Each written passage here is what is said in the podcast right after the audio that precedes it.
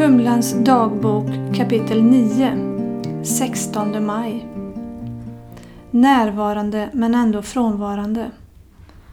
Kära dagbok. När man vill vara den där närvarande mamman som tidigare, fast det inte går. Det är svårt och frustrerande att inse att det inte går just nu.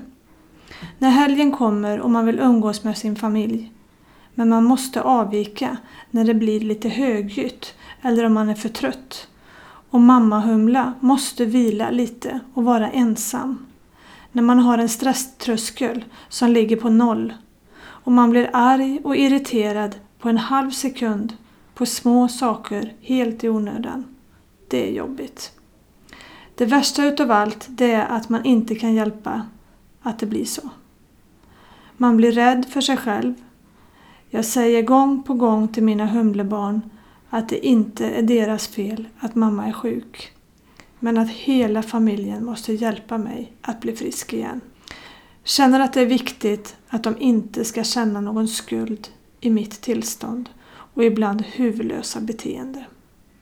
Det är vansinnigt svårt att förklara att mamma är sjuk på insidan. Humlepappan drar ett stort lass just nu och försöker stötta och trösta på bästa sätt när humlemamman är svag och ledsen.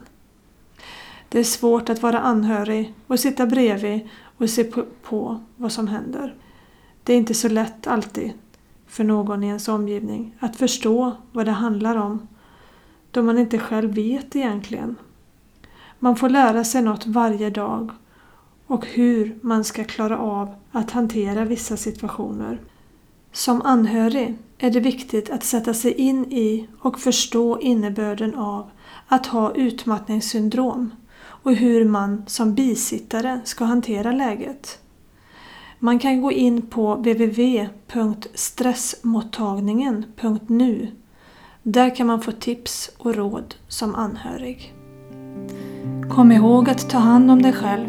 Du kan inte hälla från en tom kopp.